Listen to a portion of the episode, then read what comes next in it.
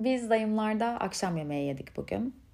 Her şey çok güzeldi. Yemekler, sohbet, dayım ve yengemin tatlılığı, tontonluğu harikaydı gerçekten. Ama bugünü harika yapan en önemli şey şuydu aslında. Bir fark ediş benim için. Onların sofrasında yemek yerken, anlattıklarını dinlerken, gözlerinin içine bakarken sürekli konuşuyordum kafamın içinde her zamanki gibi. Sanırım evliliklerinin 50. yılını devirmiş olan bu dünya tatlısı çift bir gün olsun herhangi bir canlının kötülüğünü istememiştir. Ve bu o kadar zor ki e, iyi olmak, iyi insan olmak. Çünkü iyi insanlar dünyadaki bunca kötülüğe rağmen iyi kalmayı başarabiliyorlar aslında. O yüzden sözlerime başlarken onları da anarak şunu söylemek istedim. Bu iyi insanlar iyi ki varlar ve biz umudumuzu kaybetmeyelim diye birer yıldız gibi parlıyorlar. Gökyüzünde değil, yeryüzünde. O yüzden bu bölüm bütün iyi insanlara gelsin. Şimdi bizim partimizde sadece iki kuralımız var. Bir, mutlaka pijamalı olmanız gerekiyor. İki, uyumamanız gerekiyor. E, pijama tercihi çok kişisel bir şey biliyorsunuz. Bence insanın karakterini e, pijama tercihlerinden anlayabilirsiniz. Bir gözlemleyin gerçekten çevrenizdeki insanların yatarken ne giydiğini bana hak vereceksiniz. Böyle titiz mi, pis mi, bencil mi, iyi bir dost olur mu, güvenilir mi? Bunların hepsini hepsini pijamasına bakarak anlayabilirsiniz. Bir düşünelim neler giyiliyor. İşte kimilerinin pahalı zevkleri var. Uyurken ıı, en kaliteli kumaşları tercih ediyor. Mutlaka alt üst takım olacak şekilde pijama seçimleri yapıyor. %100 pamuk olabilir, saten veya keten kumaşları tercih ediyor ve her zaman bu insanların biliyorsunuz pijamaları yeni alınmış gibi gözüküyor. Kimilerinin de pijama tercihi daha çok eşofman, sweatshirt gibi pijama olmak için üretilmemiş. Başlarda ev dışı giyim kategorisindeymiş. Sonra ev içine evrilmiş en son yatmalı kıyafet olmuş şekliyle oluyor. Çok bilindik bir markadan alınmış olabilir. E, yıkanmasına rağmen lekesi çıkmamıştır ya da minicik bir deliği olmuştur. Ne yapacak onu yani atacak mı? Hayır hemen tak diyor ben bunu pijama yaparım. Kimisi de yüzlerce senedir giyilen pijamalardan hoşlanıyor. Yani nereden alındığı asla hatırlanmıyor. Etiketi eriyerek yok olmuş, giyilmekten bitap düşmüş. Böyle neredeyse yalvarırım başka bir şey giy, beni giyme artık diye dile gelebilecek. Aşınmaktan son derece transparan hale gelmiş rahat pijamalar tercih ediyor. Kimisi de hiçbir şey giymiyor. Uyku kalitesini arttırıyormuş soğuk ortamda uyumak. Bir de özgüveni arttırıyormuş. Neyse siz hangisini seçtiklerine bir bakın çevrenizdeki insanların ama önce kendi seçimlerinizde bir düşünün derim ben. İkinci kural uyumama kuralımızda ama bunu ilk kural kadar örneklendiremeyeceğim. Tahmin edersiniz ki. Şimdi ben bu podcast serüveni için bir hazırlık yaptım mı? Hayır ama yapsaydım mükemmel olana kadar uğraşırdım ve tahmini 6 yıl sürerdi. Voltaire ne demiş? Mükemmel iyinin düşmanıdır demiş ve iyi ile yetinmeyip daha da iyisi olsun diye çok uğraştığınız bütün durumları düşünürseniz siz de hak verebilirsiniz Fransız düşünürümüze. Ben de hak verdim. Son derece haklı buluyorum. Zaten zihnimde karma karışık işlediği için e, dedim ki bunun mükemmel olma ihtimali yok. Sen konuşmak istiyorsun. Lütfen konuş. Şimdi tanışmadığımız da aklıma geldi. Ee, baştan başlasak, usulünce tanışsak, önce biraz kendimden ne iş yaptığımdan bahsetsem, aralara birkaç felsefi cümle sıkıştırsam, dikkatinizi çeksem ya da işte karşılıklı akademik başarılarımızdan bahsetsek, kişisel gelişim maceralarımızdan, kulağa iyi ve güzel gelen bütün kişilik özelliklerimizi falan saysak bu tanışma daha düzgün olurmuş gibi düşünüyoruz. Ama hayır ben böyle olsun istemiyorum. Ya biz yine tanışalım ama öyle her ilk tanışmada olduğu gibi aslında olmadığımız ön izlemeler vermeyelim birbirimize. Pembeler, sarılar, turuncular kesinlikle şart değil. Günümüzde herkesin birbirine yaptığı gibi ilk tanışmalarda hoş gözükmek için içinde hiç rahat hissetmediğimiz kıyafetlerle el sıkışıp böyle muntazam muntazam oturmamıza gerek yok. Lekeli ise lekeli. Ütüsüzse ütüsüz olsun. Utanacaksak utanalım. Üzüleceksek üzülelim. İsyan edeceksek bir şeye edelim. Ve yayılalım koltukta. Çünkü Bu şekilde tutarsa enerjiniz inanılmaz bir şey olur. Arkadaş olabiliriz ve çok önemli biliyorsunuz bu enerji. Gerçek bir samimiyet yaratmak istiyorsam korkularımdan bahsedebilirim bence. Çünkü çok yakın arkadaşlarınızı düşünün. Gerçekten bugün bile bilmiyor olabilirsiniz korkularını. O yüzden aramızda bir yakınlık seviyesi oluşturabilir bence benim korkularımı bilmeniz. Ee, yıllar önce farelerden korkuyordum. Sesli bir şekilde fare diyemeyecek kadar fobim vardı. Bunu bilen sevgili okul arkadaşlarımın üzerime çok geldiği bir günde sınıfın ortasında istifra etmişliğim var maalesef. Kötü bir gündü. Ve lisedesiniz yani çok önemli rezil olmamanız ama istifra dedim bu arada ya kaç yıldır kullanmıyorum bu kelimeyi bilmiyorum. Ee, sonra babamı kaybettiğim yıl ölüm korkum başladı. Hem kendim için hem sevdiklerim için. Böyle illa hastalık sonucunda ölmek ya da kaza geçirme akabinde ölmek gibi bir korku değil. Dümdüz ölümün kendisinden korkuyordum. Bir an yok olma fikrinden korkuyordum yani. Ya biriniz ben de düşünüyorum ne var ki bunda diyorsunuzdur diye düşünüyorum şu anda. Güncel bir korkumdan bahsedeyim. Garip gelebilir. Karanlıktan korkuyorum. 10 senedir de yalnız yaşıyorum. Ama birkaç aydır karanlıktan korkuyorum. Evet, tezat farkındayım. Ee, onun dışında herkes gibi güvensizliğin, yarının bilinmezliğinin de korkutucu bir yanı var. Aralarda da yokluyor ama her zaman olmuyor. Ee, neden arada yokluyor bu korku derseniz? Çünkü sürekli olarak kendimi eğitmeye çalıştığım ve hatırlatmaya çalıştığım bir şey var. O da anda kalmak. Çok zor. Yani gerçekten çok çok zorlanıyorum bunu yaparken. Ama anda kalmaya çalışıyorum. Ee, Nietzsche demiş ki öldürmeyen şey güçlendirir. Ben de sanırım şöyle düşünmeye başladım. Beni korkudan öldürmeyen şeyler güçlendirdi. Sanıyorum öyle. Böyle olumsuz gelişmeler, üzücü haberler, aksilikler, çıkmazlar yaşadığım bir dönemin sonunda bir anda durdum ve dedim ki ya en kötü ne olabilir dedim. Sonra bunu o kadar çok tekrar ettim ki benimsedim. Ve yaşam şeklime dönüşmeye başladı bu. En kötü ne olabilir diye diye diye ben böyle her şeye en kötü ne olabilir demeye başladım.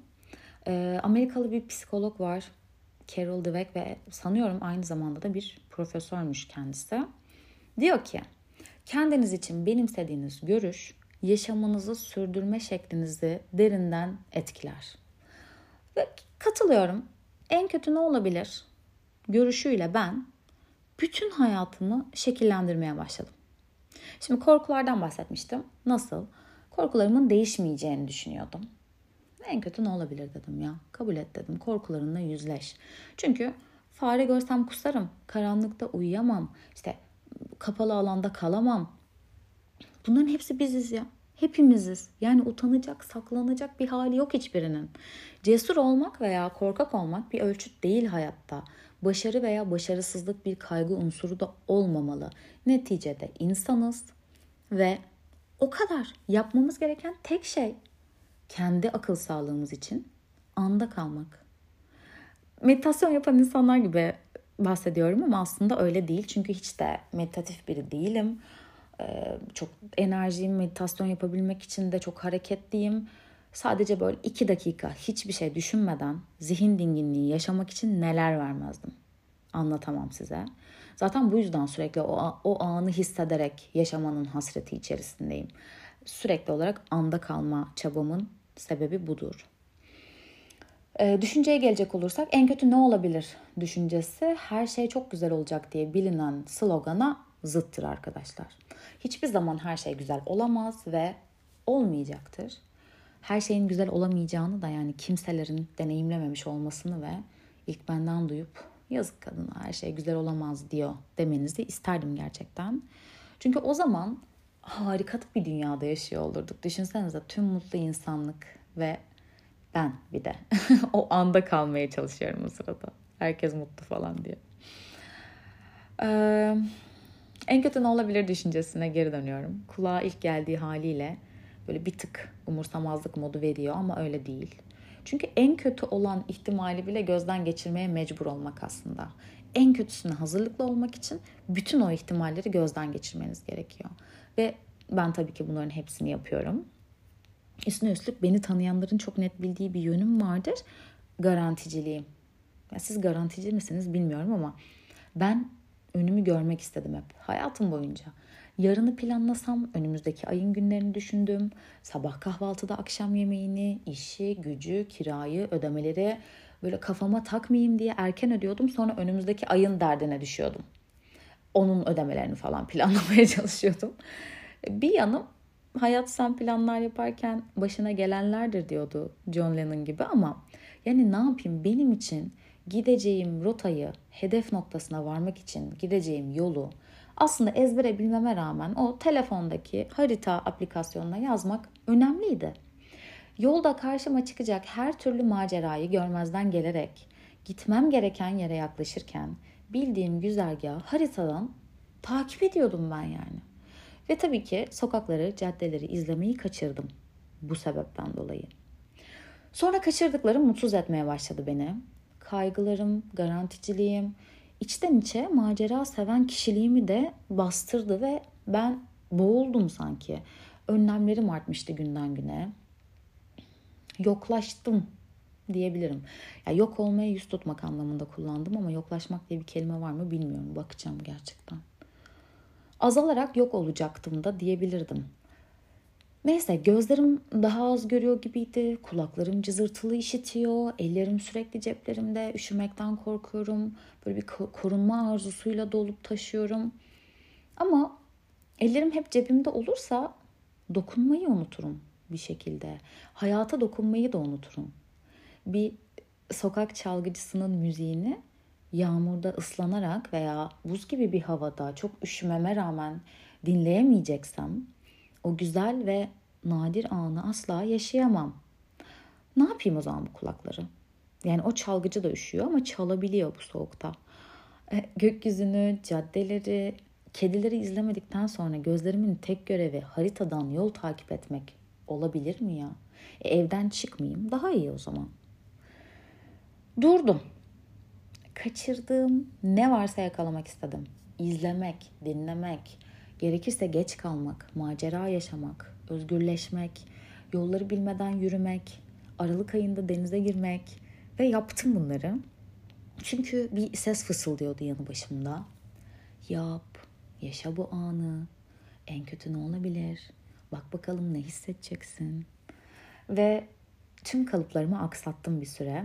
E, gittiğim yerleri haritadan takip etmedim. Olduğundan daha iyi olsun istediğim için her şeyi irdelemedim. Sabah alarmı erteleyip uyumaya devam ettim ve işe bile geç kaldım. Yani bakın bugün anlatırken bile diyorum. Demek ki öyle değişim bir anda olmuyor. Üzgün uyandım bir sabah. Canım acıyordu. Gitmedim işe. Kredi kartımın kullanılabilir limitini belli bir meblağın altına düşürmeme gibi bir hastalığım vardı. Veda ettim o hastalığa ve çok beğendiğim şeyler satın aldım kendime. Mutlu oldum. Sonra hava ısındı sanki biraz. Böyle aceleci adımlarım yavaşlar gibi oldu. Kulağımdaki cızırtılar kesildi. Bu kurallardan çıktım ve sıcak bir şeyler hissetmeye başladım. Sıcacık bir şeyler. Tabii ki yine özenliydim ama sanki bu sefer mecburi değildi. Aynada kendime baktım ve bu gördüğüm halimi sevmeye başladım. Yorgun gözüktüğüm zamanlarda bu arada kendimi beğenmez ve asla sevmezdim. Sanki babamın hayrına yorulmuş gibi bakıyor gözlerim. Yoruldum. Çok şey öğrendim. Dönüştüm, değiştim. Aferin sana Simay, tebrik ediyorum diyemiyordum yani. Bakışlarımı kaçırıyordum o aynadaki yorgun görüntüden. Ve üzgün, bıkkın, sinirli her günümde yaşadığım olaylara bakıp aralarda kulak kabartmaya başladım. Yaşa bu anı diyen fısıltıya. Böyle böyle oldu. O bunu yaptı. Ben böyle dedim. Olay nasıl böyle bir noktaya geldi diyen karmaşalarım vardı kafamda. Bunlar azaldı. Bana bağlı veya değil ne olduysa olmuştu ve artık en kötü ne olabilir diye düşünmekten başka çarem kalmamıştı. Bu cümle bir süre e, ağızda pelesenk olursa hemen arkasından gamsızlık, pervasızlık gibi güncellemelerle geliyor. Olsun, bu sefer de böyle olsun diyorsunuz. İşler yetişmesin. Beğendiğin kız ya da erkek sana yüz vermesin. Ailen seni anlamasın. Döviz yükseldi, yurt dışı seyahat planları yapılmasın. Ne olur en kötü? Anı kaçırmaya hiçbir şey olmaz çünkü. Kocaman bir hiçbir şey olmaz. Geçer yani. Tüm felaketler gibi ve üstelik daha da acısı ne biliyor musunuz? Unutulur. Unutacağız yani. Bu durum beni kendime karşı samimileştirdi önce. Daha sonra da çevreme daha samimi olduğumu fark ettim. Daha içten oldum, daha sıcak, daha anlayışlı. Çünkü daha mutluydum. Her kahve içişimde daha fazla keyif alıyordum. Böyle tatlara dikkat kesilerek, o anda hissederek yemek yiyordum. Başka bir şey düşünmeden. Bir gün trafikte kaldım. Uzun süre bir saat arabanın içinde aynı noktada oturdum. Ve çevreyi izledim. Gözlemledim yürüyen insanları. O telaşı gördüm ve tüm bu koşuşturan insanlık şaşkına çevirdi beni. Herkesin çok ama çok acelesi vardı. Yetiştirmeye, yetişmeye çalışıyorlardı ama hızlandıkça daha çok sarpa sarıyor gibi gözüküyordu. Birikiyordu, birikiyordu, birikiyordu, birikiyordu ama bitmiyordu işler. Ben de sakin sakin oturup nefes alıp vermeye başladım. O anımı yavaşlatmak istedim. Böyle zamanı kontrol edebilir gibi hissetmeye başladım. Sanki bütün dünya aynı anda birden ona kadar saysak en son ben 10 diyecektim. Ve aa çok garip bir an geldi gözümün önüne. Didem diye bir arkadaşım var. Liseden arkadaşım. Çok seviyorum kendisini. Ee, biz üniversite sınavına Didem'le beraber hazırlandık. Onların balkonunda harıl harıl sınava hazırlandık. Böyle hayal meyal hatırlamaya çalışıyorum konuyu ama konu aklıma gelmedi. Birimizin başına kötü bir olay gelmiş olacak ki modumuz düşük yani böyle sessiz bir şekilde oturuyoruz. Didem bir anda şey demişti. Hayatımız bir grafik gibi. Hatta mum grafiği olsun. Bilenler vardır mum grafiğini. Grafiğin belli bir tarafı bir zaman dilimini gösterir. Bir tarafı da bir değerin düşüşünü ya da yükselişini gösterir. Yaşadıklarımızı yerleştirdik biz o grafiğe o gün. Her neyse o dönemde tabii olaylar hatırlamıyorum. Gördük ki bizim zaman mutluluk ya da zaman mutsuzluk grafiğimiz acayip inişli çıkışlı. Şöyle bir olaylar zinciri sıralaması gördük böyle. Bir, bilemedin. iki kötü olay yaşadıktan sonra güzel bir haber almışız. içimiz ferahlamış. Ama arka arkaya iki güzel haber aldıktan sonra hep kötü bir olay olmuş. Yani bu grafikteki anstabil gidişatın yaratacağı koşturma ve telaşı düşünebiliyor musunuz? Tabii ki düşünüyorsunuz çünkü siz de telaşlısınız ve siz de her anınızı hepimiz gibi kaçırıyorsunuz. Dayım heyecanlı heyecanlı bir şeyler anlattığımda böyle eliyle bir dakika işareti yapar ve der ki tane tane anlat bakayım anlamıyorum. O yüzden ben yavaşlarım ve tane tane anlatmaya başlarım. Siz de durun, yavaşlayın biraz. Gözlerinizi kapatın, nefes alın. Zamana karşı bir oyun başlattığınızı hayal edin. Geçecek deyin her ne olduysa. En kötü ne olabilir deyin. Ben şu anda kalayım deyin. Sonra bir süre devam edebilirseniz tane tane yaşamaya.